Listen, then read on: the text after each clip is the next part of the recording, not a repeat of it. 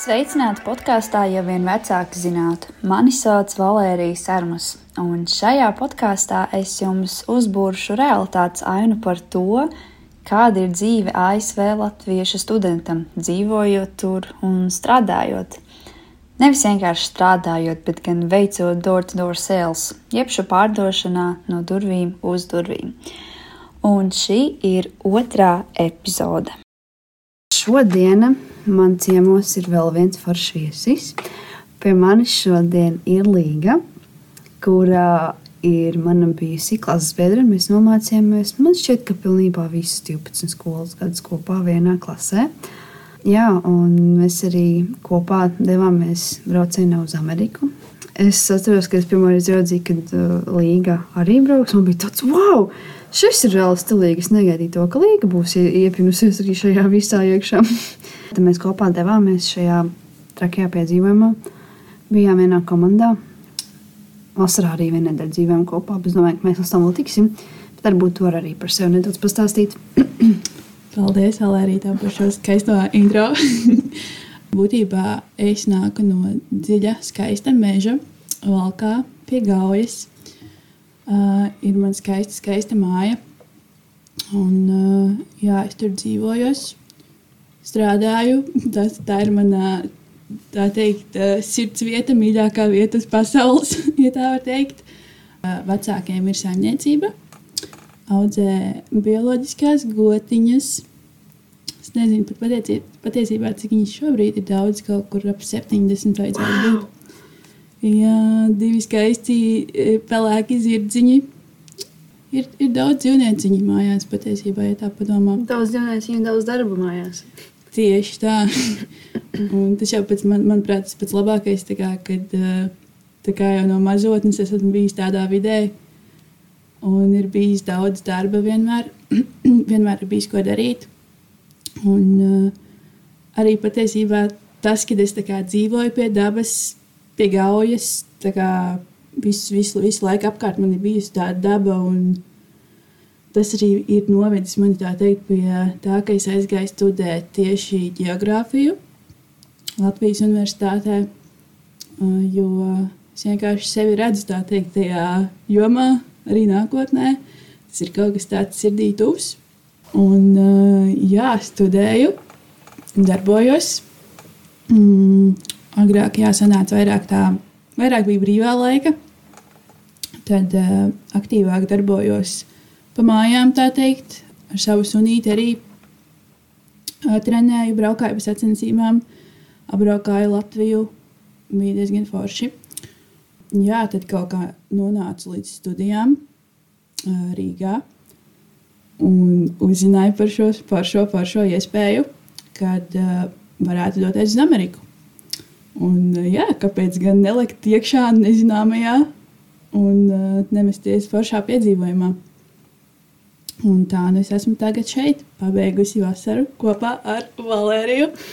Tas ir tik forši. Bet jā, šodien mūsu galvenais mērķis ir parunāt par to, kā tā mums gāja vasarā, kāda bija mūsu darba rutīna, ko mēs piedzīvojām vispārējais.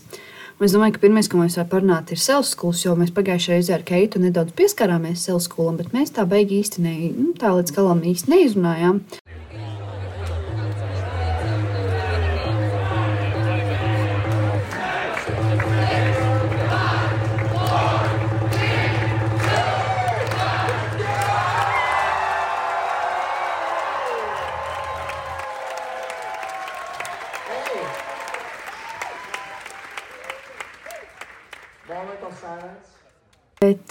Jā, tad es atgādināšu par to, ka Sales Schools ir notiek četras dienas. Viņš notiek tajā pašā pilsētā, kur ir izveidota kompānija, kas ir Nešulā, Tenesijas štatā. Tad šīs četras dienas mums ir tādi kā intensīvi treniņi, kurā mēs esam jau pa visu pusgada gatavošanās procesu iemācījušies savu selstāvu, ko mēs teiksim cilvēkiem pie durvīm ar visādām dažādām situācijām, kas var būt, kad nāk vecmāma, tētis, mamma, bērns pie durvīm vai dažādas citas situācijas ar uh, visādiem noraidījumiem, kā mēs tos noraidījumus, uh, kaverojam. Un, jā, tad mēs tur trenējāmies, mēs gājām uz semināriem, klausījāmies ļoti iedvesmojošas lekcijas. Un mēs ar Keitu, kā minēju, pagājušajā nedēļā pieskārāmies tam. Bet uh, varbūt var pastāstīt, kāds tev bija tavs sales school experience, kā tev, kā tev šķita, kā tev emocionāli gāja, vai tu tajā brīdī saprati, ka viss sākās trakā, trakais piedzīvojums, vai tajā brīdī tev bija tāds, kur es nonākusi un tagad aizbraucu uz savu pirmo vietu, kur strādāju, vai tad tev tas ieslēdzās. Nē, es man interesē, kā tev, kāds bija tavs. Uh, tas sajūtas, kad saprati, nu, kā tev vispār tajā brīdī gāja un um, ko tu vispār izjūti un, un kā bija. Jā, manuprāt, tad, kad es vēl devos uz sales skolu, tieši uz to viesnīcu, kur mums viss notikās, tad es vēl mašē, ka nemaz nenojautu, kā, kas man tur sagaida. Um, bet uh, sales skolas pirmās dienas bija tieši tā vieta, kur es sapratu, cik nopietns patiesībā viss ir. Jo kā, pirms vasaras mums ļoti daudz ko stāstīja, kā būs, tur, kas notiks. Tad, kad tu nonāci Sēles skolā, tu nonāci tur uz vietas, kā, kad viss tas sāk notikt, kad tu reāli arī celies tajos 6,59, lec ārā no gultas, skrien uz to augšo dušiņu. Un, nu, kad viss notiek tik nenormāli ātri, tas bija tāds laika periods, kur es uh, sāku apdomāt, kur es esmu nonākusi. Bet nē, es uz to skatījos tīri tā pozitīvi, es tā teiktu, teiktu jo man nebija tā, ka uh, nu, bezmaz vai kur es esmu nonākusi, es gribu mājās, viss ir slikti. Man tā nebija. Es to redzēju tā, ka tā ir reāli tiešām tāda vieta, kur es esmu, kur es esmu nonākusi, kad es savā ziņā sevi izaudzināšu. Jo tas nebija viegli. Tas bija Tas bija ļoti, ļoti izaicinoši. Bija ļoti daudz emociju, visādu. Palielinājumā es apzinājos, ka, vienkārši, ka man vienkārši tas ir jādara. Jo es zināju, ka tā būs labāk man pašai. Un ka tas man palīdzēs arī vasarā. Jo, jo tā pavisam godīgi es nebraucu uz vasaru pilnībā sagatavojusies. Es braucu ar, ar tādu domu, ka jā, es, es zinu, ka man būs jāmācās tāpat tās procesā. Bet nu, Sēles skolas tiešām bija ļoti, ļoti forša vieta, jo nu, nu, man atmiņā tiešām palikuši visi tie mītīņi gan no rīta, kad mēs tikāmies visi kopā, un vakaros tīpaši tie, kur mēs komanda sanācām kopā, tur runājām par dažādām tēmām. Tas bija ļoti, ļoti saliedējoši. Un tā sajūta, ka tu neesi viens pats tajā visā. Ir cilvēki, un ka tu iepazīsti viens otru, kā katram ir tas savs stāsts un tas iemesls, kāpēc tu vispār esi nonācis. Tas bija diezgan iedvesmojoši, teiktu. Jā, tā sēles skolā bija tā, ka uh, mēs jau sākām jau ar sēles skolu. Mēs jau plānojam arī līdmašīnā, jau sākām dzīvot pēc vasaras tās rutīnas saucamās. Jā, tad sēles skolā bija tā, ka mēs tiešām cēlāmies agri. Mēs jau agri, agri bijām ārā no mūsu uh, mājīgajām vietiņām, respektīvi hoteļa istaba, kurā mēs dzīvojam. Mēs vispār Selskulā arī dzīvojam vienā, vienā hoteļa istabā, es atceros. Jā, tad tiešām tur bija tā, ka mums bija dažādi mītīņi, kur mēs gājām vienkārši klausīties tādus kā seminārus, kur ieradās prezidents, kompānijas prezidents Dens Mūrs.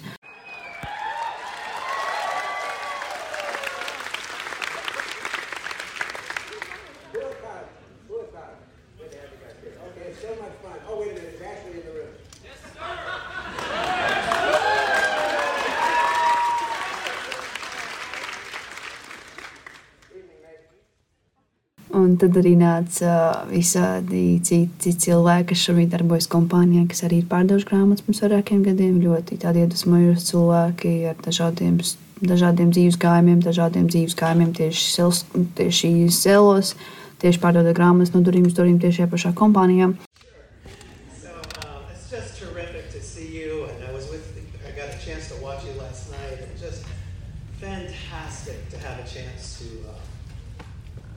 Be around such outstanding young people that Dan and I had a chance to be with. Dan asked me if I'd come share one of my favorite stories that I share at all the sales schools. So it'll just be like a quick five minute story, no notes, just something that might help you head out to have a great summer. Un jā, mums arī bija visādi praktiskie treniņi, kas bija ārā. 35, 30 līdz 37 grādu karstumā. Tajā brīdī jau bija tās tā kā aktīvs, ir tik karsts. Un tad mēs tur vēl skrējām visu laiku. Mēs bijām burtiski sasīduši, pārsīduši un uh, ūdeni tempām kā nekad. Un, uh, jā, tas bija tiešām tāds labs treniņš, lai vispār ietrenētu to savu disciplīnu. Ne tikai vasarā, bet vispār kā tā. Bet es nezinu, kā tā, bet kā man arī patīk tas savs klubs. Tajā pašā laikā es biju tā sastresojusies, jo es joprojām biju ļoti emocionāli. Tur redzēju, kā lidmašīnām liekas, visas lidmašīnas lidojums vienkārši draudēja. Visas lidmašīnas, visas lidostās, visur draudēja. Un, jā, es biju tīki sastresojusies, joprojām es ļoti domāju par mājām. Es to es sev skolēju, vienkārši vakaros tur tā izstāstu, tur stīlis. Es domāju, bāc, man tas jādara vēl trīs mēnešus, katru dienu. es atceros, ka mēs Latvijā tikko uz Ameriku. Mēs, mums tieši uz Nešvilu mēs aizbraucām uz to pirmo hotelu, kur mēs dzīvojam. Un tad mēs nākamajā dienā mēs stiepām tos koferus Jā. uz to lielo viesnīcu, kur mēs dzīvojām savu skolu laikā, un bija tas, atceries, tas stāvējis kalns, Jā. ka mēs visi tos savus 20 kg koferus vienkārši pa to stāvo kalnu stūmām augšā. Un es atceros, mēs abi bijām tā kalna tā kā vidacī, un pieros tas džeks ar pīcis tam mašīnu. Mums nevajag tas koferus. Kaut kāda Eiropieša atbraukusi uz Ameriku staigā tagad. Džeks vienkārši brauc uz hotelu picu, mēs tad ierokamies tur cīnāmies. Viņš paņēma to pusi no mūsu koferiem, kaut kā sabās savu mazie, mazie mašīnītē un veido uz to viesnīcu. Tas bija rītīgi smieklīgi. Un, jā, palēm tā bija tas selskols un bija interesanti, bija ļoti intensīvi. Mēs ļoti daudz ārā dzīvojām, mēs ļoti daudz nosauļojāmies jau tajā brīdī. Un uh, tad jau pienāca tas sliktākais moments, kad beidzās selskols. Un tad mums bija lielais brauciens no Nešvilas uz Hjūstonu, respektīvi no Tenesijas štata uz Lielo Teksasu. Visu vasaru dzīvojām foršajā Teksasā. Man bija vispār, pirms es braucu uz Teksasu, man bija ļoti daudz tādi stereotipi par Teksasu kaut kādā ziņā. Es nezinu, man mm. liekas, tā Teksas būs tāda interesanta. Nē, Teksas bija ļoti interesanta vieta, bet um, es īstenībā teiktu, Teksas ir a place to live. Man ļoti patīk Teksas. Mm. Tad mums bija tā, ka mūsu komandas līderi abi divi paņēma mašīnas. Mēs smuki iesēdāmies, salikām koferus. Mēs redzējām, kā tā, tā meitene, kur uh, arī bija viens no līderiem. Viņa teica, uztiet man koferus, es viņas māku salikt mašīnā tā kā tetrī. tā viņa tiešām smuki salika koferus. Un tā kā Valērija ir viņas maziņākā no visiem, man bija jāsēž aizmukarē kopā ar koferiem. Un uh, mūsu brauciens ilga 13 stundas. Jūs varat iedomāties, cik man jautri tur gāja. Izbaudīju visu braucienu. yep. Jā, mēs jau parunājām par to braucienu, kā, kā, kas tev bija tā sajūta. Jo atceros, mēs braucām laikā, mēs arī ļoti daudz ko darījām. Mums bija tā, ka mēs mācījāmies. Uh, mums vēl bija vasaras laikā jātaisa tādi, kā. Mēs vasaras laikā, pirms vasaras jau bija jātaisa tādi kā golbuki, kur mēs salikām visus savus mērķus, kas mums ir, lai mēs darītos, mēs būtu super motivēti un es jau lidmašīnā. mašīnā ļoti daudz viņas attaisīja, bet tad es atceros, ka es viņu mašīnā vēl biju pielaboju, un es atceros savu vasaras vēstuli sev uzrakstījis, savu, piemēram, mm. jūtos tik slikti. Man, man nu, tiešām ir tā, ka es gribu visu. Es arī tajā golbakā, arī mašīnā braucot, ierakstīju to vēstuli. Un, jā, es arī ļoti daudz gulēju. Vēl pēdējo reizi kārtīgi pačto ar visiem, kas man tur bija. Nu, tā bija pēdējā iespēja, kas tiešām varēja tā pačtot. Un, um, jā, gulēju tur iespiest. Un tad kaut kādā brīdī mēs samainījāmies ar mašīnām, kurā vēl arī tāpat sēdēja. Mēs aizbraucām aizst. Mēs aizbraucām uz tako peli. Mēs sēdām. Ja es pirmo reizi dzīvē tādu tiešām tako yeah. tādu. Bet, jā, kā tev tajā braucienā, kā tev ne, nebija tā, ka tur kaut kādas emocijas lēkāja vai nezinu, kļuva emocionāli, vai ko tu vispār darīji tā brauciena laikā? Mm, jā, emocijas, emocijas gāja gan augšā, gan lejā. Tas bija tāds um, ļoti interesants brauciens. Man vispār ir pierakstīts tekstiņš, ko es pierakstīju mašīnā, braucot tajā, tajā uh, tekstā. Es varu nolasīt. Jā, tā kā nekas tāds, bet vienkārši man pašas atmiņas. um, braucam uz Hjūstonu, daudz pārdomu. Realty kicks in. Esam Amerikā. Uh, grafiks jau zināms, kur jāstrādā, kas jādara jau zināms. Kā tas būs, es nezinu. Uzzināšu, kad sākšu darīt. Bailīgi, ļoti, ļoti bailīgi. Bet šis ir tā vērts anyway. I can do this. I believe that I can do this. Es atceros to braucienu no Nešvilas uz Teksasu. Viņš bija ļoti garš, 13 stundas. Kā. Es zinu, ka es um, diezgan daudz pagulēju, atpūtos. Es daudz domāju. Tas bija diezgan, diezgan grūti, jo nu, tu brauc uz turieni un tu, tu tā zini, kas tev būs jādara, kur tu būsi bez mazliet, bet uh, tu kā nezini, kā tas būs. Tu nezini, kā tu jutīsies tajā brīdī. Un, eh, jā, es arī atceros, ka es uzrakstīju tajā ceļā vēstuli sev. Eh, tad, kad man būs tāds grūts brīdis, kad es varu viņu paņemt, izlasīt, kas man tādā veidā uzmundrinātu. Jā, pie tās vēstules patiesībā es piegāju ļoti, ļoti nopietni. Es tiešām tur sarakstīju daudz tādas lietiņas, kas man pašai ir ikdienā svarīgas, vispār, kāpēc es tur esmu un kāpēc es tajā visā dodos iekšā. Es esmu ļoti pateicīga, ka es to izdarīju, jo man tas patiesībā ļoti palīdzēja vasarā. Tikai es biju nonākusi tādā situācijā, kad man vajadzēja kaut ko izlasīt. Jo nu, man nav tā, ka man bija nezinu, kaut kādas ekspektācijas par Teksasu. Man bija tā, ka es braucu uz turieni baltu lapu, es vispār neko par Ameriku īsti nezināju. Kur nu vēl konkrēti par Teksasu vai Houstonu. Es vienkārši tajā devos iekšā, tādā piedzīvojumā, varētu teikt. Kad es neko nezināju, es vienkārši gāju un, un skatījos, kā tur beigās būs viss. Un tas brauciens tiešām tāds kā, kā klusums pirms vētras.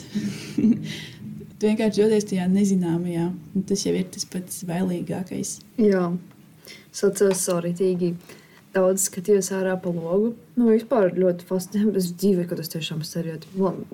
Um, nebija tik traki, es nebiju tiešām neizglītota, teiksim, tā. tā Es dzīvoju tiešām tādos stereotipos, un vienkārši es skatos ārā arī pa tiem logiem, kas krust Amerikas dabā. Tāds, bet viņiem tiešām ir skaista daba. Mm -hmm. Tik daudz mežu un tik daudz, un tie meži viņiem tiešām visi bija tik biezi, vienkārši necaurstaigājami. Un es skatos, ceļos, ka mēs tieši ka mēs šķērsam to Teksas robežu.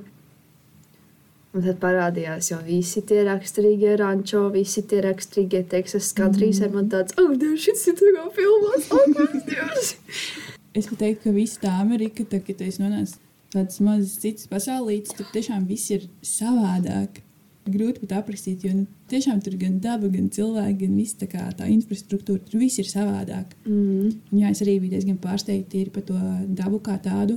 Man bija kaut kāds tāds priekšstats par Ameriku vispārīgi. Tur, nezinu, tur ir kaut kādi lauki bez maz vai tādas tukšas teritorijas, bet nav tā. Tur ir tik skaista daba un tur, tur ir mm. viss. Tur tiešām ir viss. Un tad mēs vēl iebraucam tajā Teksasā, tie visi tie rančo, tie countryside, tur redzi, tie, tu tiešām redz tos buļļus ar tiem ragiem, tur redz daudz gotiņas, tur redz zirgus. Un, uh, es nezinu, tas likās tik fascinējoši. Tagad tiešām, tiešām tā kā filmas. Tā bija jau tumsa, melna tumsa, un mēs iebraucam Houstonā, lielā, lielā pilsētā, kurā mēs nodzīvojām visu vasaru. Es atceros, joprojām, ka mēs ar pēc bildes telefonā no tā pirmā video, kur mēs braucam tiem highwayiem, trakajiem, un kur tās, tās pilsētas gaismas, viss, viss ir apgaismots. Un tad saproti, iekšēji tu tā sirds jau tā. Tu, tu, Mm -hmm. un saprotu ka viss. Un, jā, mēs atbraucām uz Hjūstonu. Mēs katrs bijām sadalīti tādā grupiņās. Mēs jau zinām, ar ko mēs dzīvosim kopā. Ņemot vērā to, ka mēs atbraucām diezgan vēlu, tad uh, uz to pirmo nakti Hjūstonā mūs uzņēma līgas. Pirmā viesģimene, viņa arī bija gatava mūs uzņemt tie vēlajā vakarā, kad mēs atbraucām uz Hjūstonu. Tas nozīmē, ka mēs visi to pirmo nakti Hjūstonā pavadījām tieši tajā mājā. Ak, Dievs! Es atceros, ka mēs atbraucām, es paskatos to māju. Man ir pilns telefons vienkārši ar video, kurš bija tik, tas bija tiešām tik excited. Es vienkārši skatos to māju. Adievs, man tā patika. Un tas saimnieks, tas tētis un tā mamma un tā ģimene vispār bija tik fantastiski. Un tas tētis, viņš, viņš jau no Kolumbijas. Viņš tāds jau nesenīs, tāds ekstraverts un tāds ritīgi ašais tipiņš. Un, uh, Jā, bija ļoti, ļoti forši. Man liekas, tas ir Dievs, līga ir jau tik forši dzīvos, tik foršā ģimenē. Un, um, jā, tad mēs palikām pirmā nakti tur, un tad jā, mēs katrs devāmies uz tām savām pusēm. Bet, um, jā, varbūt tad, kā mēs jau pieskārāmies tām iezīmēm tēmām, varbūt tad tur pastāstīt, kā tev gāja tur. Un, Kā tev vispār bija ar tām pārvākšanām vasaras laikā, cik daudz vietās tu dzīvoji, cik daudz to viesu ģimenes bija? Jo es zinu, to, ka tu daudz pārvācies, bet es nezinu, cik tev bija daudz viesu ģimenes mm. kopā. Tu vari pastāstīt, tad, eh, sākot ar šo, Jā. ar šo tēti un māmu. Tēti sauc Fabians, Jā. mamma bija Kandisa. Tieši tā. Tās pirmās emocijas tiešām ļoti līdzīgas kā tev. Brauc jau pa to ieliņu, iekšā uz to māju. Tad kā filmā, tās mājas tur gar ceļa malu piebrauc un izkāp pārā. Un tev tur tas pavietas nāk pretī, tāds sagaida jau tās emocijas, tāds ritīgs uprīgs, ka tie cilvēki tur ir. Vispār visas ģimenes, viņas ir visas tik mīļas un tā grib palīdzēt un uzņemt tik, eh, tik skaisti. Jā, es atceros, ka Fabians viņš jau mūs sagaidīja, un viņam pie mājas bija izkarnāts Latvijas un Ukrainas karoks. Jā. Es domāju, wow! Šis ir reāli kaut kas. Man tās sirsniņas bija sasila no tā. Viņš vienkārši stāv. Look at these flags, look at these flags. Es vienkārši skatos augšā Ukrainas un Latvijas karoks. Man tāds, viņš bija ielicis abas karoks un mastā. Nevis vienkārši tā kā kaut kur izskanēja, bet karogu mastā ielicis abas karoks. Jā. Tas bija, tas bija tā. Sirsniņa tāds sasildīja. Jā, Tā forši. Jā, tā māja pati par sevi tā kā nu, vienkārši sapnis, tāda nu, skaista vieta pati par sevi. Esmu tik pateicīga, ka es biju tajā ģimenē. Bet man bija tā, ka uh, es to ģimeni patiesībā diezgan daudz nesatiku. Jo jā, mēs padzīvojām kopā pirmo nedēļu. Un tad, kamēr mēs bijām Hjūstonā, tur dzīvojām, es dzīvoju kopā ar Ilzi. Visu vasaru manu uh, rūmeitiņu. Un, uh, jā, kamēr mēs tur dzīvojām, Fabians ar savu sievu izdomāja aizbraukt ripiņā uz Eiropu. un, uh, jā, plēli mēs tur nodzīvojam šeit kā pusvasaru. Reāli mečām vienā pašā vienkārši Amerikā māja atstāta dzīvojot. Ārā tur uh, baseins ar slidkalniņu, tur uh, barčiks uh, tā kā filmās, tur viss gaismiņas izgaismots. Tāds skaists pagalmiņš, um, ko tu vispār vari dzīvē vēl vairāk vēlēties, tā teikt. Bet nu, arī cik tur mēs tajā mājā bijām no rīta 5 minūtes, kamēr tiek ārā no mājas, un tad vakarā un svētdienās tā ilgāk sanāca padzīvot, viņš atpūsties. Um, bet kopumā pa visu vasaru man bija divas vietas ģimenes. Viena bija jā, uh, tā pirmā, un pēc tam mēs tikām pie. Es tagad negribu samaloties, bet man šķiet, tā bija indiešu ģimene. Uh, mēs nodzīvojām tur divas nedēļas. Tur bija tā diezgan interesanti, jo viņiem jau ar to, to reliģiju un tām tradīcijām tur ir savā, savādāk, bet arī bija tāds Kultūršoks. Jā, tā varētu teikt, jo mēs nedrīkstējām ēst gaļu. Mēs nedrīkstējām ienest mājā gaļu. Un, uh, jā, tad mums bija tāda alternatīva jāizdomā. Jo, nu, tiešām tas bija tāds maziņš kultūras šoks, jā, kad uh, viņiem tur ir mājā tāds kā tāda vietiņa, kur viņi dedzina tur katru vakaru to Vīraku. vīraku. Tā bija laba pieredze, teikšu tā. Kas bija jūsu alternatīva gaļai? Jūs ņemat tofu? Nē, patiesībā tā mamma eh, mums uh, vārīja vienkārši pupiņas. Ah, Tā bija forši, ka viņa pati nāca mums pretī un pati piedāvāja. mm. Kā viņa neļāva mums ēst to gaļu, bet viņa tur mums uztaisīja tās pupiņas un mēs ēdām tās. Tas bija diezgan forši. Bet uh, jā, tā bija tāda savādāka pieredze nekā pirmā viesņemene. Tā pirmā viesņemene man paliks sirdī uz visu mūžu. Nevar jau teikt, laba viesņemene, slikta viesņemene. Katrai ir savi plusi, savi mīnusi, bet uh, nu, kopumā es teiktu, tā ir vienkārši ļoti, ļoti laba pieredze. Bet cik ilgi tu beigās nodzīvoji Fabiana mājā? Cik tur kopā beigās? Jūs atceros, jums sākumā teicu, ka es dzīvoju tur divas nedēļas. Man liekas, jūs nodzīvojat pišķiņu ilgāk nekā divas nedēļas pie viņiem. Jā, plāns laikam bija kaut kāds divas, Divas vai trīs nedēļas Divas, trīs nedēļas, bet mēs tur nodzīvojām pusvasaru. Man šķiet, Mm. jau pat nebišķiņu vairāk. Diezgan svīt. Jā. Tad tās divas nedēļas pie tās otras ģimenes, un tad, mm. -hmm. mums pa vidu, un tur beigās sanāca dzīvot pa hoteļiem. Es arī kādas četras nedēļas, es teiktu, mēs tur nodzīvojām pa hoteļiem. Mm. Nu, tā Sanāca. arī beigās tā arī sanāk, jā, 6, 2 un 4. Jā. Jūs katru nedēļu mainījāt hotelu vai ne? Vai kaut kā savādāk? Um, Vai kā mums tām teritorijām bija? Vai arī klausītājiem ir skaidrs, ka dēļ tele- teritorijas un no teritorijas atkarīgs, kur tu dzīvo. Un ā, ar viesiem ir tā, ka sākumā mums, piemēram, mums ar Līgu paveicās, jo mums jau, un ā, arī Keita, kur iepriekšējā epizodē bija, mums visām paveicās, jau mums ar mūsu romantiem bija atrastas vieszīmes, pie kurām mēs sākotnēji dzīvosim. Tā bija tā, ka mums bija pašiem jāmeklē, un kā notiek meklēšana, piemēram, puiši. Puisiem nebija. Viņi dzīvoja ļoti, sākumā ļoti ilgi hoteļos, un viņiem viņi devās uz baznīcu. Baznīca ir ļoti laba vieta, kur atrast viesģimenes, vai arī vienkārši gāja pie durvīm, durvīm un kādiem pirmajiem cilvēkiem jautāja. Tad arī, lai visiem ir skaidrs, tad, piemēram, ja tu biji nostājies savu teritoriju, tev deva jaunu teritoriju šeit pilsētā vidē, un tad arī pakārtot tam bija jāmeklē, kur dzīvot. Vai nu tas bija hotels, vai nu tā arī bija viesģimene, kur tā paveicās atrast iepriekšējā kaut kādā nedēļā strādājot. Bet, uh, jā, tad varam turpināt par tiem hoteļiem. Kā jums bija jūs katru nedēļu mainījāt tos hoteļus, vai uh, jums bija kaut kā tās teritorijas bija vairāk, un jūs, piemēram, nezinu, vienā hotelī nocījāt divas nedēļas, vai, vai kā jums bija? man ka vienā teritorijā mēs nodzīvojām divas nedēļas, Mm -hmm. bet tad mums sanāca mainīt. Mums mainījās tā teritorija, un beigās mēs vispār pēdējās divas nedēļas, ja nemaldos, mēs aizbraucām uz uh, citu pilsētu, uz prom bija? jā? Jā, tas bija vairāk kā stundas brauciens no Houstonas. Tur arī sanāca tā pārcelties. Jā, es gribēju pieminēt, ka tā otrā viesģimene arī bija, kā mēs viņu paši atradām. Mm. Tas arī bija tāds, tāda forša pieredze. Tu ej un tu jautā cilvēkiem, vai viņi gribētu uzņemt. Tad tu vienkārši atrodi. Tas arī tā forši. Nu, runājot par viesģimenēm, man arī bija paredzēts, ka man, mana man būs uz uh, pusvasaru. Ja man teritorija bija iedots pusvasaru, bet es skatījos kartā, man tā teritorija bija nenormāli milzīga. Man viņa tiešām bija nu, ārprātīgi liela. Un es pat nepaspā, nepaspēju strādāt vasaras laikā par pusi no tās teritorijas. Īstenībā es pat izlaidu pasaules kā daļas ārā, un es pat nepaspēju nostāt par pusi no tās teritorijas. Bet uh, jā, man paveicās, es dzīvoju pie savas ģimenes. Tad mēs Amerikā strādājām, dzīvojām 12 nedēļas. Un es 11 nedēļas nodzīvoju pie savas ģimenes. Ne, es biju drausmīgi pateicīga par to. Es biju tik laimīga. Es domāju, ak, mans dievs, nu, protams, vajadzīgs kaut kāds izmaiņas. Man liekas, ir forši.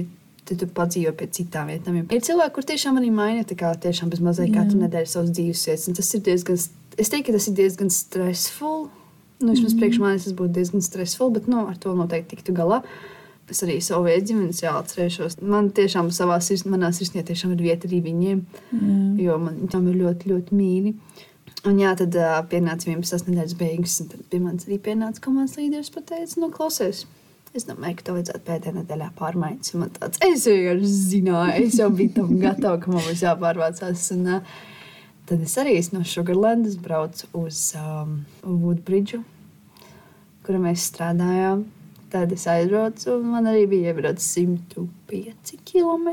Paldies Dievam, man viesģimenes tēvs. Viņš ļoti laipni piekrita man aizvest ar visām manām pekelēm un ar visu riteni. Pēc, kad es par taksi noteikti būtu samaksājis vairāk kā 100 dolārus, kur man tajā brīdī kāšā īsti nebija. Un, uh, jā, man teica, aizved uz, um, uz Woodbridge. Un tad, jā, hotelītī dzīvoju es kopā ar uh, savu pirmo menedžeri, kurus visos nodzīvoju kopā, bet tad arī viņu. Viņu desmitās nedēļas beigās viņa lika pārvākties. Es uzmanīju, ka pēdējās divas nedēļas viņa dzīvoja arī pa hoteliem. Un tad sakām, ar viņu satikos pēdējā nedēļā, un tad es arī dzīvoju kopā ar Līgu un Ilzi. Tad mēs kopā 4. maijā dzīvojam hotelītī istabiņā. Pēc hotelis bija tiešām ļoti foršs. Man ļoti patīk tie hoteli. Viņš bija tāds, Jā. viņš bija tāds ļoti kārtīgs, teiksim, tā, un viņš bija tiešām tik labā vietā. Bet, uh, jā, kaut kā tā arī mums sanāca ar tām visām dzīvošanām vasaras laikā. Jā. Kaut kā mētājāmies apkārt pa lielo Houstonu. Jo no Houstonas sadalīt tādos tā kā distriktos, slash ciematiņos, teiksim tā. Bet viņi Houston pat par sevi gan arī tā kā Igaunija. Nu, liela, liela pilsēta. Jā. Ļoti liela pilsēta. Mhm. Un tā mēs mētājāmies viena no otras. Bet arī nebūtu laika pieminēt to, ka mums katru svētdienu mums ar komandu kopā bija dažādi tikšanās, kur mēs iztikāmies. Lielākā daļa tikšanās bija tieši pie līgas pirmās viesģimenes. Mhm. Tas pirmā tikšanās bija, viņš jau nebija aiztenējis savu Eiropu. Bet pirmā tikšanās viņš uztaisīja mums veselu burgeru svētdienu. Jā. Un, uh, Jā, viņš mums tur uztaisīja burgerus.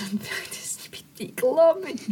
Viņš jau uztaisīja tās guakamolas mērcītes un vēl salsas. Viņš sataisīja, ko mēs likām tur nacho čipsiem. Ak, mans dievs! Tas bija skaisti. Jā, un pēc tam tur viss vēl arī. Man šķiet, ka mēs peldējāmies tajā basēnā.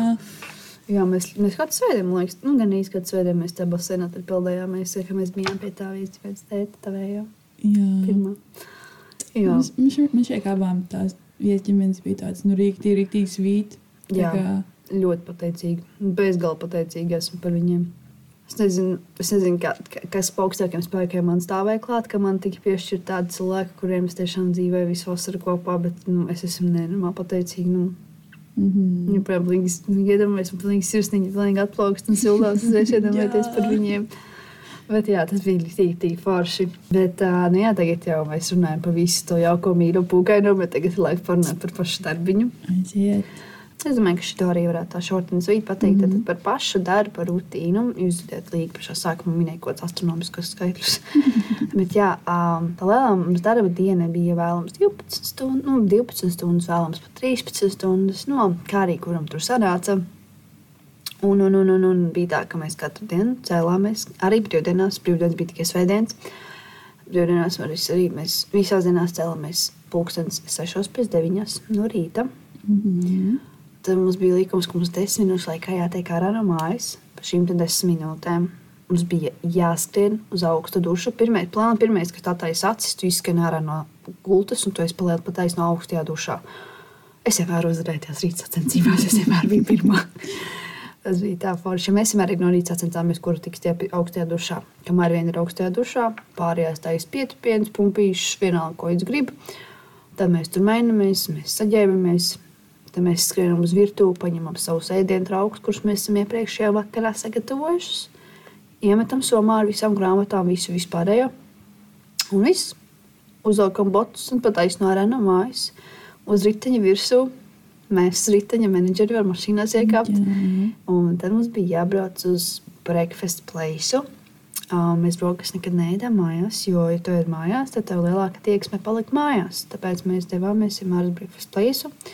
Bet cik tas bija forši, man liekas, tas bija tik forši, mēs varam iepazīt kaut kādas citas ēdienas. Jo es katru rītu gandrīz ēdu meksikāņu restorānā.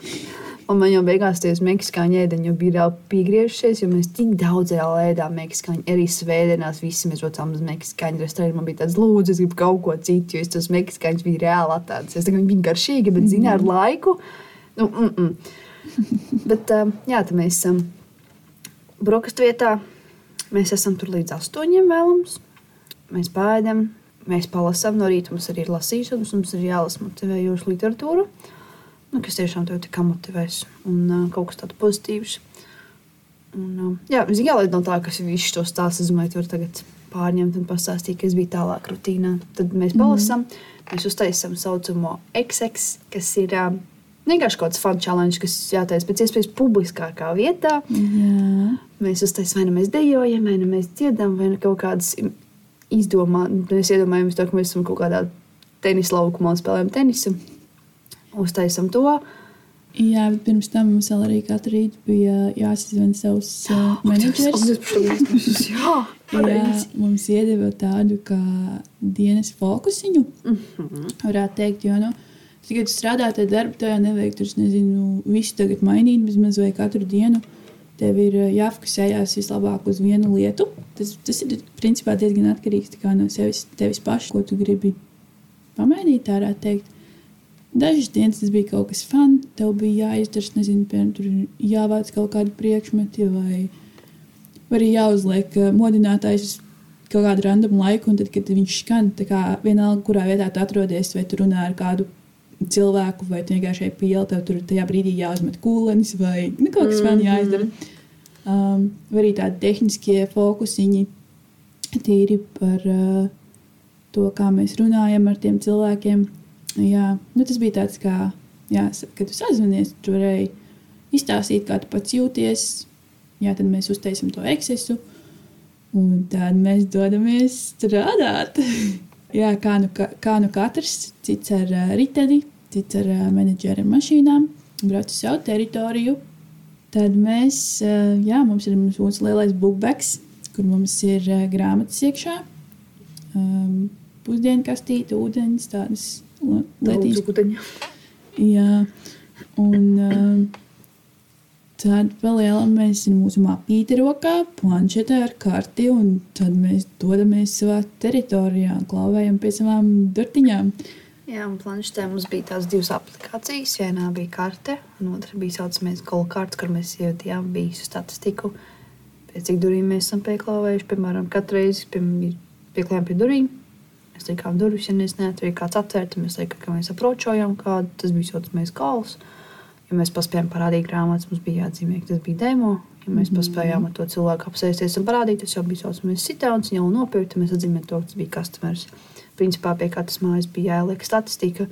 Tas nozīmē, to, ka planšetators neizvilka visas 12, 13 stundas un bija jānesa līdzi arī tā saucamā powerbanka, Jā. kas bija vienkārši tik traģiski. Jo Tev ir tā kā reiz, reiz bija tik annoying, ka tev ir tā soma, kur ir jās, nu, ar, ar laiku vienkārši tik smagi jau palika, jo jau karsts, tu sasīts, to stiep to somu, tu stiep riteni vienā rokā, otrā rokā tev ir mapi un planšeti, un what the fucking ir vadi vēl kaut kur, jā. vienkārši tik annoying, man reizēm vienkārši tādi psihie Tu to vienā rokā ir ritenis, otrā tev ir tā api un tā planša, un vēl tie vādi, un vēl tā soma, un tā soma neturās uz pleciem un krīt zemē, un tad to vispār nafi gribās visu aizmest, un tad to vēl strenčināk virsū. Katru dienu es teiktu, ka tā nebija. Nu, katru reizi nebija. reizēm. bet- Nu, reizēm bija. Man, da- man tas man pirmās četras, piecas, ne četras nedēļas, man planšetors vienkārši jau vienos jau slēdzās ārā. Vienos. Mm. Pēc tam man planšetoram kaut kas mistisks notika, un viņš man kaut kādas četras nedēļas turēja visu dienu bez lādēšanas. Wow. Un tad man uz vasaras beigām atkal viņa kaut kas uznāca, atkal vajadzēja powerbanks. Un tad pašā, pašā vasaras beigā atkal nevajadzēja. Es nezinu, kas man tam mažatoram notika, viņš bija kaut kas dīvains. Bet, uh, jā, man bija reizes, ka man vajadzēja powerbanku, un bija reizes, kas arī iztiktu visu dienu bez powerbanka. Un bija reizes, ka man vajadzēja abas powerbankas izmantot.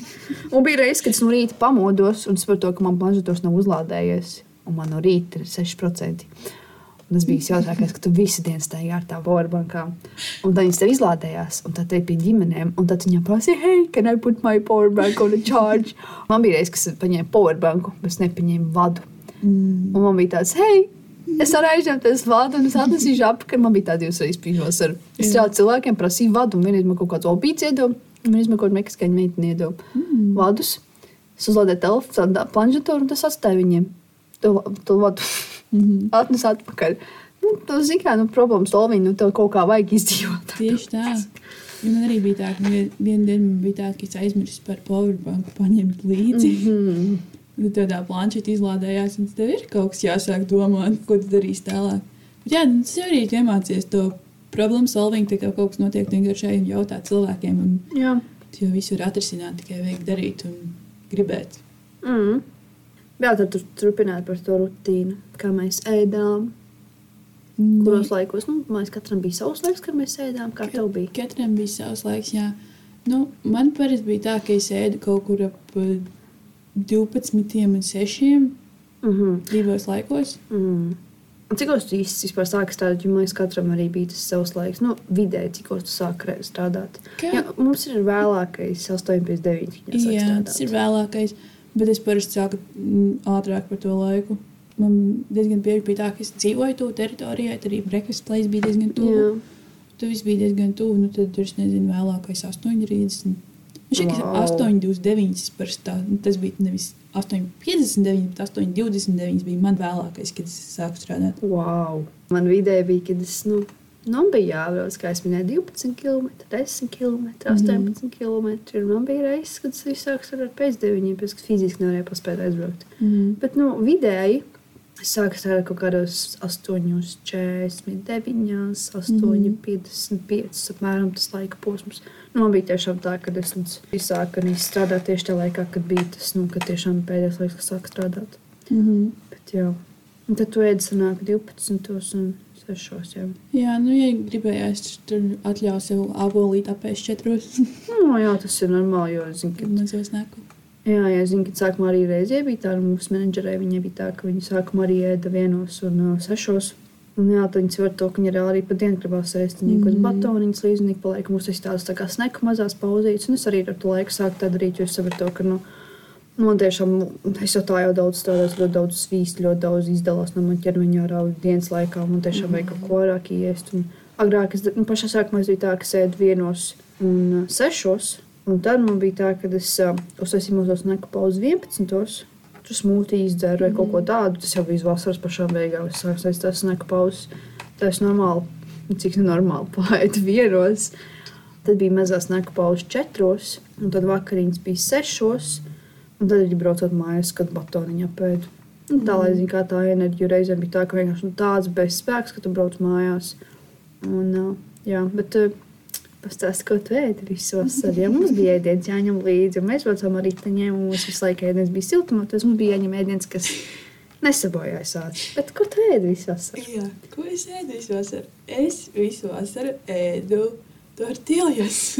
Tortilja, jā, ko mēs, nu, mēs vienkārši rūmētiņi tikai taisījām kopā. Ēst mums bija vienādi plielam. Arī mums bija forši tāda saruna, noruna uz vasaru, ka tas, kurš ir pirmais mājās, tas taisa otram ēst.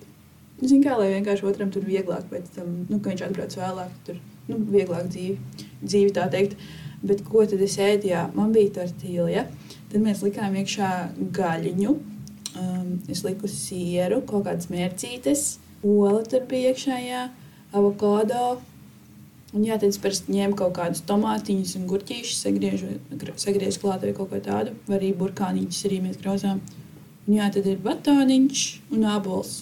Tas man bija tāds uz visu dienu. Divas tādas tortillas, ola, abols un batoniņš. Un es palielam visu vasaru tā ēdu. Te arī, manuprāt, arī tīk palīdzēja tas, nu, tas karstums, ka tev negribās tik ļoti, ļoti ēst. Jo, nu, tu reāli izdzer pa dienu kaut kādus 5, 6 litrus ūdens kā Jā. minimums. Jā. Šeit tas liekas tik reizī, bet tur tas liekas tik pašsaprotami, jo vienkārši tev prasās visu Nu, laiku. mēs izsvīdām to visu. Jā. ārā.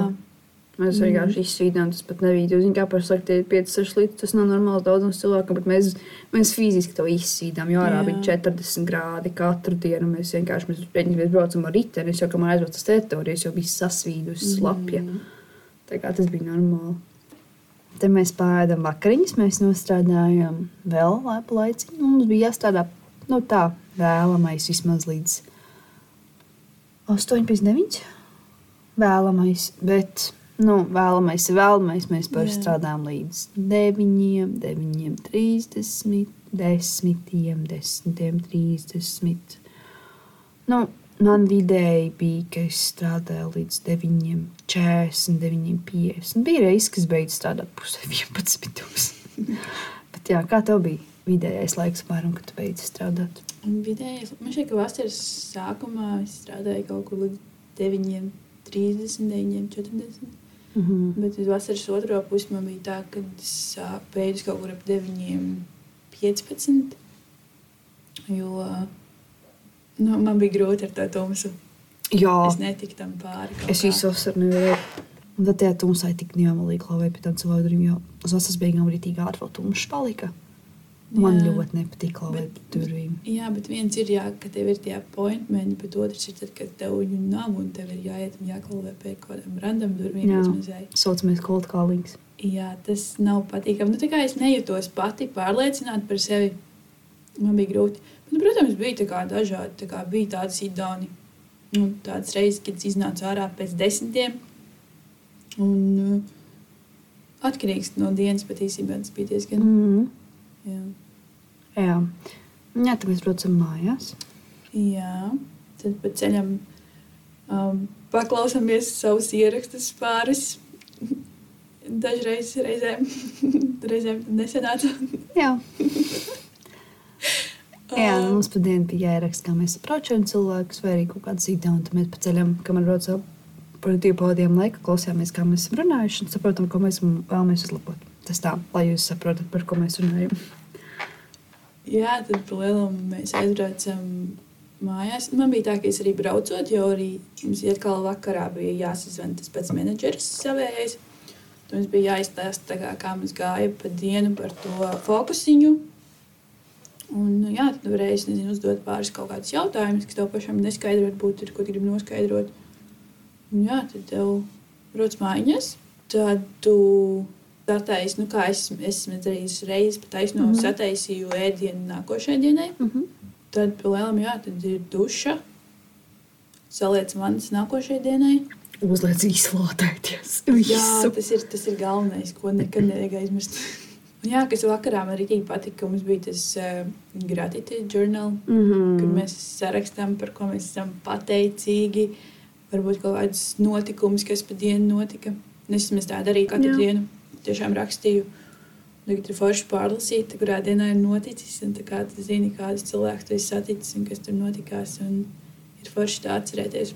Jā, tad mums bija arī tas uh, technical reading Mhm. ka mēs uh, lasām to tekstu, kas mums ir jārunā ar uh, cilvēkiem. Tie ir tādas tehniskas, li tehniskas lietiņas, atkārtojam.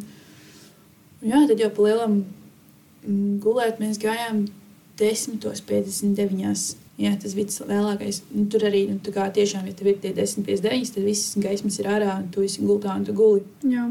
Un kas man arī patika, ko mēs ar Ilzi praktizējām vakaros, kad mēs vēl vienu otrai izstāstījām, kas notika pa dienu. Un arī mēs izstāstījām, par ko mēs esam pateicīgi tajā dienā. Mhm. Tā arī tāda rītīga forša sajūta, kad pirms miega tu to pasaki skaļi, Mhm. un tad ej gulēt tāds laimīgs. Jā, es, es, es tikai pusosu no dzīvēm ar Samantu. Un tad mēs katru vakaru gājām gulēt. Mēs vienkārši pilnā rīklē vienkārši smējāmies. Jā, man arī tīk patīk tas gratitude žurnāls. Es arī viņu katru dienu rakstīju. Mm -hmm. un, tā. un arī vispār um, tur runāju par gratitude žurnāliem, kad atcerieties, kāds cilvēks satika. Vispār es um, katru, labi, vasaras vidū kaut kā pārstāju to darīt, bet man telefonā ir noti, kur es rakstu, piemēram, week six highlights, un es rakstu, Jā. piemēram, Monday, bla, bla, bla, bla, bla satikt to un to un to. Mm -hmm. Otra diena, jā, diena nebija beigta foršā, bet satikta to un to un to. Notika Jā. tas un tas un tas. Es rakstīju tādus highlights savā telefonā notos. Un arī forši pārlasīju, tad, tad lasīju tāds, ak, Dievs, tas taču arī notika. Es biju aizmirsis par kaut ko tādu, ka kaut kas tāds arī notika. Tad tu ir tāds, wow, ieslēdzas kaut kāda atmiņa. Jā, jo vispār vasarā tajās dienās notiek tik daudz patiesībā tādas lietas. Nenormāli Un daudz. tu jau aizmirsti ar laiku. Un tad ir forši, jā, ka tev ir tie pieraksti, un ka tu viņus pārlasi, un tad atceries. Jā, jo katru dienu mums rutīna arī bija tāda, ka mēs ceļamies 6,9, mēs gulējām 10, 20, 59. Tā kā katru dienu bija viens un tas pats. Mm -hmm. Laika līnija bija viena un tāda pati. Mēs dzīvojām rutīnā. Mēs tiešām dzīvojām tā, kā tu jau biji iegājis, tev automātiski izdarīja. Bet katra diena bija daudz savādāka. Un tas bija tas pats foršākais, tas, ka tā rutīna.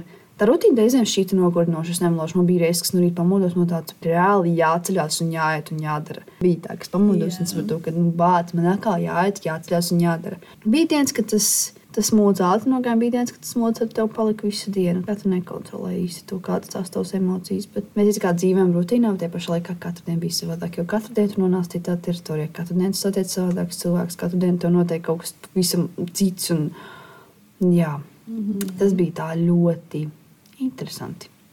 Un arī svētdienās mēs cēlāmies 6,9. Mēs gājām gulēt 10,59. Bet, uh, jā, tad mēs no rīta arī augstā dušā sataisījāmies, ceļāmies, sapcējāmies, vilkām kleitiņas, braucām uz mītingiem. Mītings bija orientēts līdz vieniem, diviem.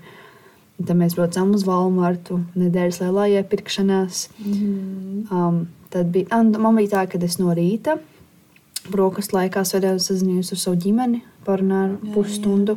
Jo nu, tur bija jāplānots laiks, jau kā nekā 8 stundu atšķirība. Tad man bija tā, ka nu, ziņā, es gribēju savu ģimeni audzēt, jo viņiem agri atļaus darbu. Tad es domāju, es viņiem zvanīšu, kad es esmu, kad es esmu tik, tikko pamodies, ka viņiem ir trīs dienā. Bet ar savu puisi sazinājos, kad es atbraucu mājās no Valmarta. Kad Latvijā bija pusnakts, man bija tāds, nu, taču, nu, tā, ka viņš, jau, viņš aizies. Kas ir svētdienas? Viņš taču aizies, viņš, viņš tāpat ir jauns, viņš pat iet vēl gulēt, kāds tur bija. Nu, tā, kas viņa nesaudzēja. Bet, nu, Jā. vienkārši nu, es varu to, ka nu, viņi var upurēties. Es negribu, lai Jā. man vecākiem vecāki tiešām daudz strādā, un es negribēju, lai viņiem nav tā. Kā tev vispār bija tam sazinīšanām? Jūs arī bija kaut kaut ko tādu katru svētdienu norunāt? Vai? Kā jums bija? Plāns bija, jā, tad, kad viņiem bija trīs dienā. Mums bija kaut kāda no rīta septiņi. Septiņi. Jā. Mēs zvanījām visu laiku, vienā, es zvanīju visu laiku vienā, vienā, vienā brīdī. Mhm. Un, uh, jā, tur tie ir tā 20, 30 minūtītes parunā un šansē tālāk. Mhm.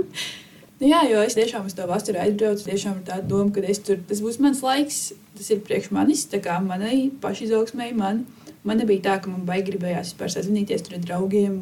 Bet arī vakaros mēs tur arī, nu, mēs arī vakaros mēs atļāvāmies svētdienās iet papeldēties. Mums, mums arī mēs va- vakaros būs taisījuši savu to laika līniju, to schedulu.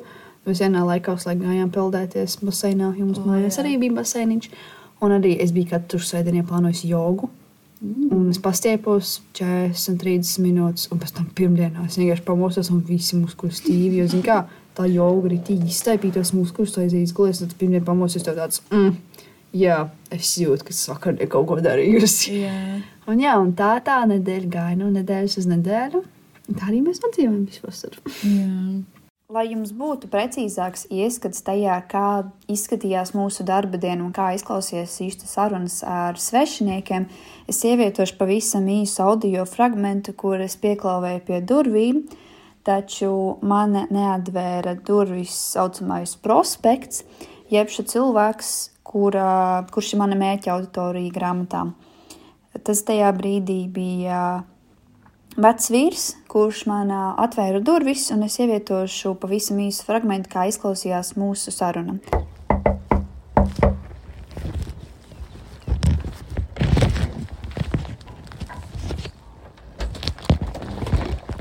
Hello, how are you doing? We have been. Uh, my name is Valerie, and I'm a college student from Europe. That's why the cool accent. and I am catching up with all of the families and teachers around here. And I am showing an educational system for the high schoolers, even down to little troublemakers.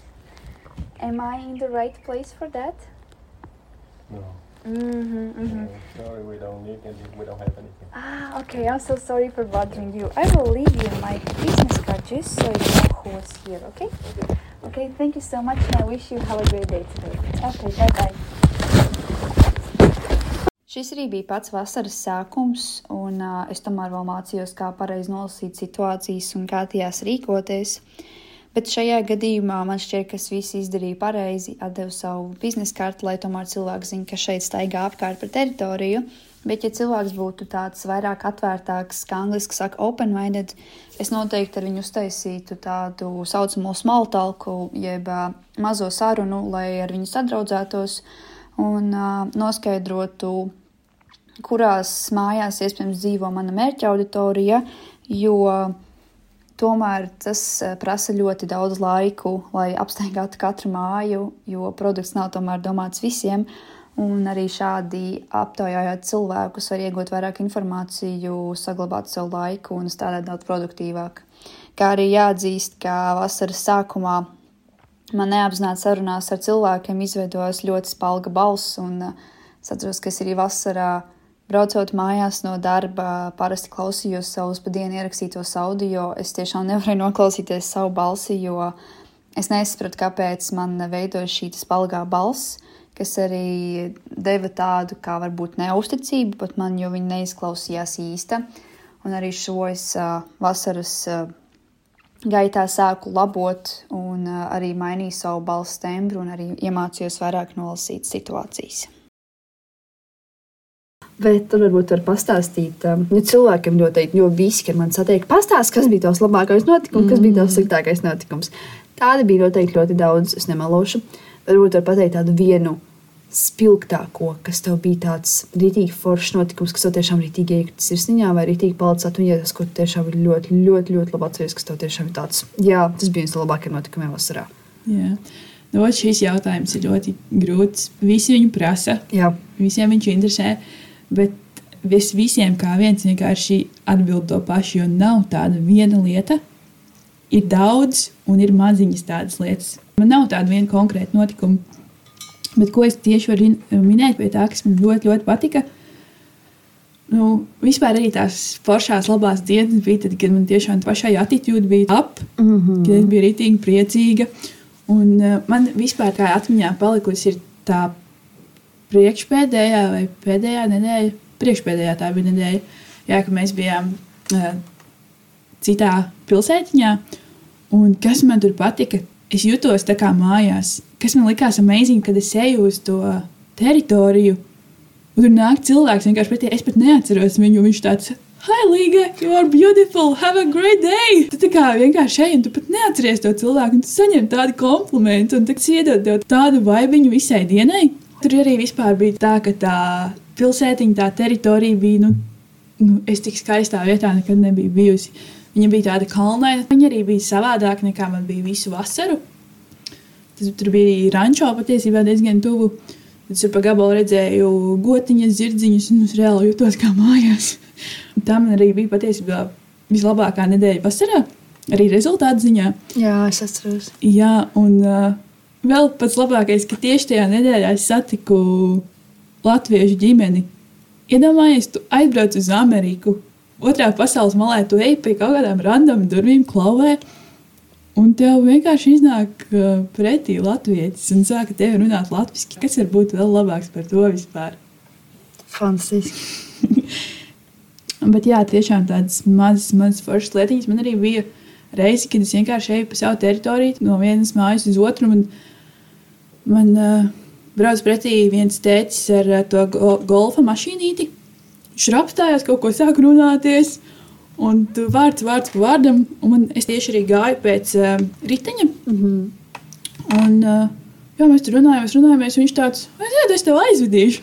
Tu vienkārši iekāp tajā mašīnītē, un tu, tu brauc, tev vienkārši vējš šitās sejā, un tu esi tik laimīgs. Kas tas ir? Tu vienkārši izbrauc ar golfa mašīnīti, bet tev tas, tas ir tāds highlight kā visai dienai. Tas arī likās Jā. tā rītīgi amazing. Man liekas, tas ir Bookfields. Iemācīt tev būt arī pateicīgam un atcerēties kaut kādas mazas, mazas lietiņas, kas tev tā iepriecināja. Jo, man liekas, ne, es arī agrāk biju cilvēks, kas pēc tam mazām lietiņām, bet šobrīd es esmu par tām mazām lietiņām vēl vairāk. Es nezinu, es mammai paprasīju saldējumu, nedod saldējumu. Es biju priecīga visu dienu par to, ka man bija saldējums. Jā, Tas tāds mazs lietiņas, kas nav būtisks ikdienā, bet tur tas tieši ir tā. pavisam savādāk. Tas ir tik forši. Jā, un tas ir tas labākais, ko es esmu iemācījies. Ir rīktīgi no šīs vasaras, ka, ka tu novērtē to, kas tev ir. Mm. Es nezinu, tur mēs vasaras beigās nopirkām sev jaunu mapīti. Es biju tik laimīga par viņu. Jā. Reāli kaut kāda random mapīte, bet tev tas uzlabo dienu. Jā, Jā. Visiem ļoti interesē šis jautājums. Visiem ir tāds, nu, kas ir sliktākais, kas ar mm tevi notika. Kas ir tas, kas varbūt tev tiešām palika atmiņā kā kaut kas varbūt bēdīgāks, vai kas tev varbūt viņa vairāk sāpēja, vai nu, sirsniņā sāpēja, ne jau fiziski. Varbūt arī fiziski sāpēja, jau nezinu. Bet vispār jā, fiziski, fiziski arī kaut kas sāpēja. Bet arī tā ir grūti pateikt, jo nu, nav viena konkrēta lieta, zin kā, jo ir tādas daudz maziņas lietas. Daudz maziņas un tas ir lielāks, jā. Tieši tā, bet nu, tās sliktās dienas bija tās dienas, kur, man, kur es biju tāda emocionālāka. jā. Man nebija tā, ka es gribēju tur mājās braukt, vai man pietrūka ģimene.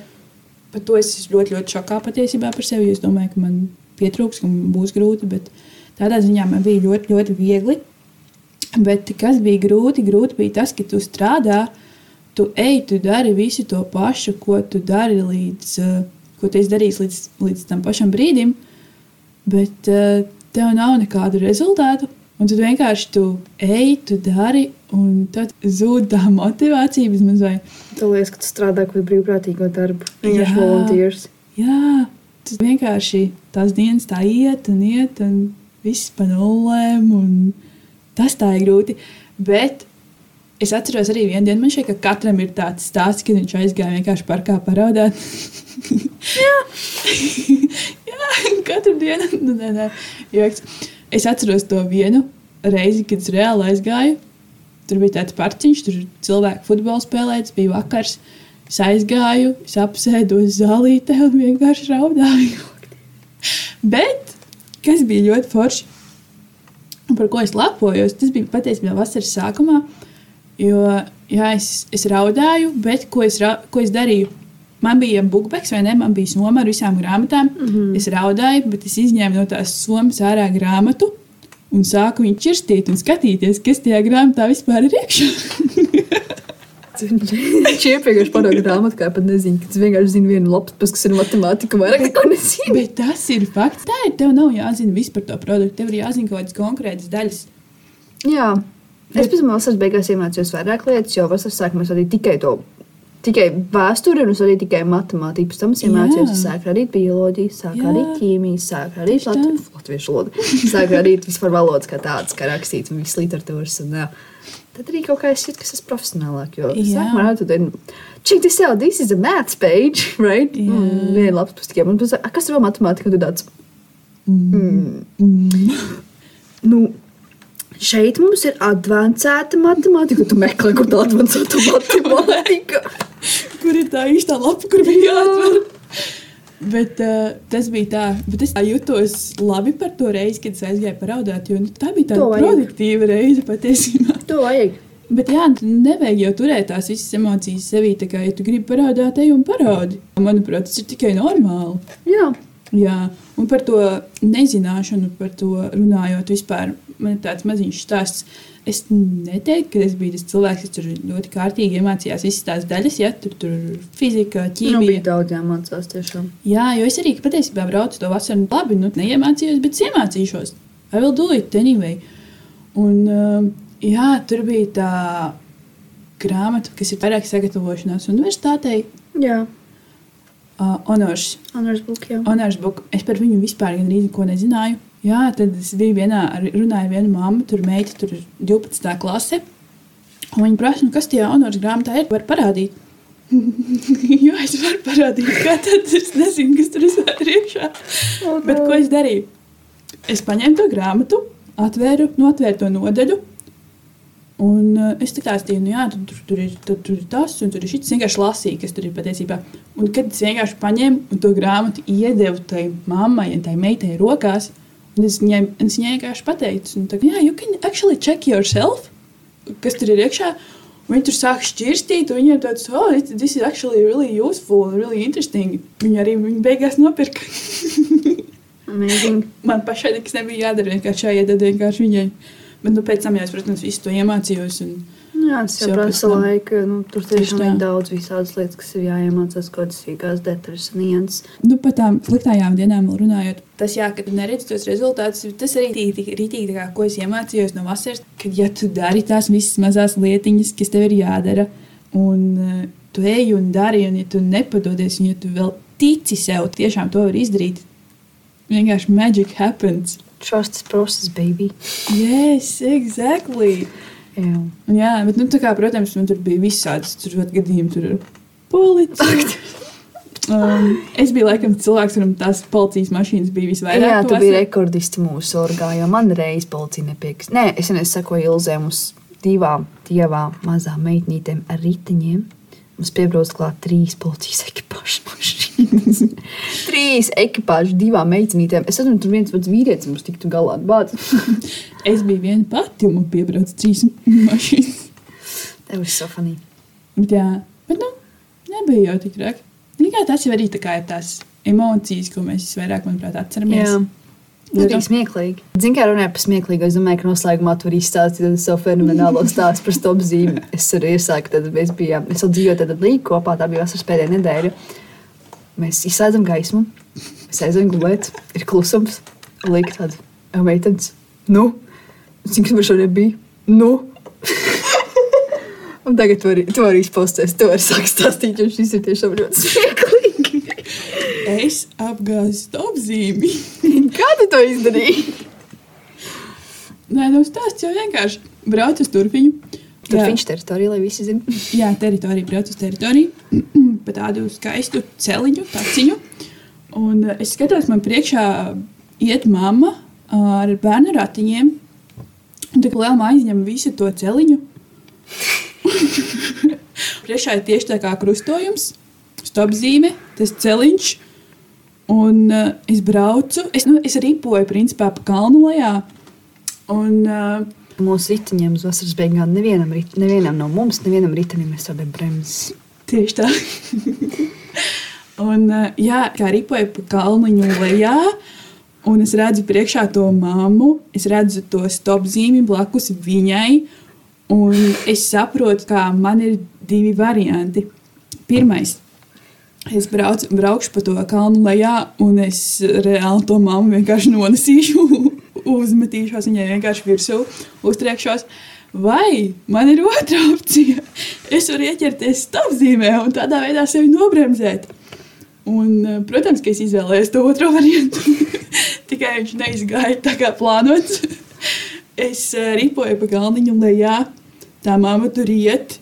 Es ieķeros tajā stopzīmē, un tā stopzīme vienkārši paņem un gāžas zemē. Un tas smieklīgākais bija tas, ka mēs, tīs, mēs tie jau ir tīsmējamies. Līga izsācis, jā, tas topzīgi nokrita. Mēs tā, a, ko tālāk darīt? Ko tālāk darīt? Neko, aizripoju tālāk. Tā kā es jau neko citu nevarēju darīt, bija kalns, man nebija bremžu, stopzīme apgāzās. Mama manī, laikam, ieraudzījis, nezinu, vai man ieraudzīja, bet uh, jā, es jau nevarēju pat apstāties un kaut ko izdarīt, es vienkārši aizripoju tālāk, ko, ko man darīt. Jā, Nā, šādas situācijas noteikti, ja jūs arī brauksiet vasarā, būs ļoti daudz un dikti un būs ļoti daudz ko stāstīt. Bet, uh, Es domāju, ka šī epizode tiešām ir aizgājusi lielā garumā, bet ceru, ka vismaz mēs veidojam kaut kādu skaidrību cilvēkiem, kā vispār notiek tā darba rutīna un ikdiena. Un, uh, varbūt, uh, ja arī kāds domā no klausītājiem doties šajā braucienā, varbūt tev ir kāds ieteikums no savas puses. Man vispār ir tāds uh, teiciens no vasaras palicis prātā, kas man gāja cauri visai vasarai.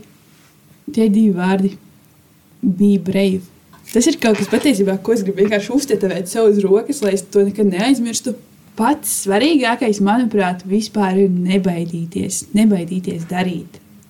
Ja Amerika tāda programma tev vienkārši uzrādās no zila gaisa, tas ir tāds maziņš studentiņš, tikko atnācis no mazpilsētas uz Rīgu, un tev uzrādās tāda iespēja, tev ir bail. Bet uh, es nezinu, kur es tagad būtu un kā es domātu, ja es nebūtu aizbraukusi uz to Ameriku. Ja tas nav viegli, jā, pilnībā piekrītu to, ka katrs pilnībā nevar izdarīt, tam es arī piekrītu. Bet, ja tu mēģini, magic happens. Alright, alright, alright, alright. Šis ir viens no teicieniem, kas mums gāja. Jā, tad šī arī bija mūsu otrā epizode par uh, darba procesu. Teiksim lielu, lielu, lielu paldies Līgai, ka piekrita piedalīties. Paldies, tev arī, kad uzaicināji. Bija ļoti fani pagrindēties atmiņās. Tieši tā. Tad novēlēsim Līgai veiksmi tālāk studijās. Paldies! Tad jau uz nākamā tikšanos nākamajā epizodē. Atā! Atā!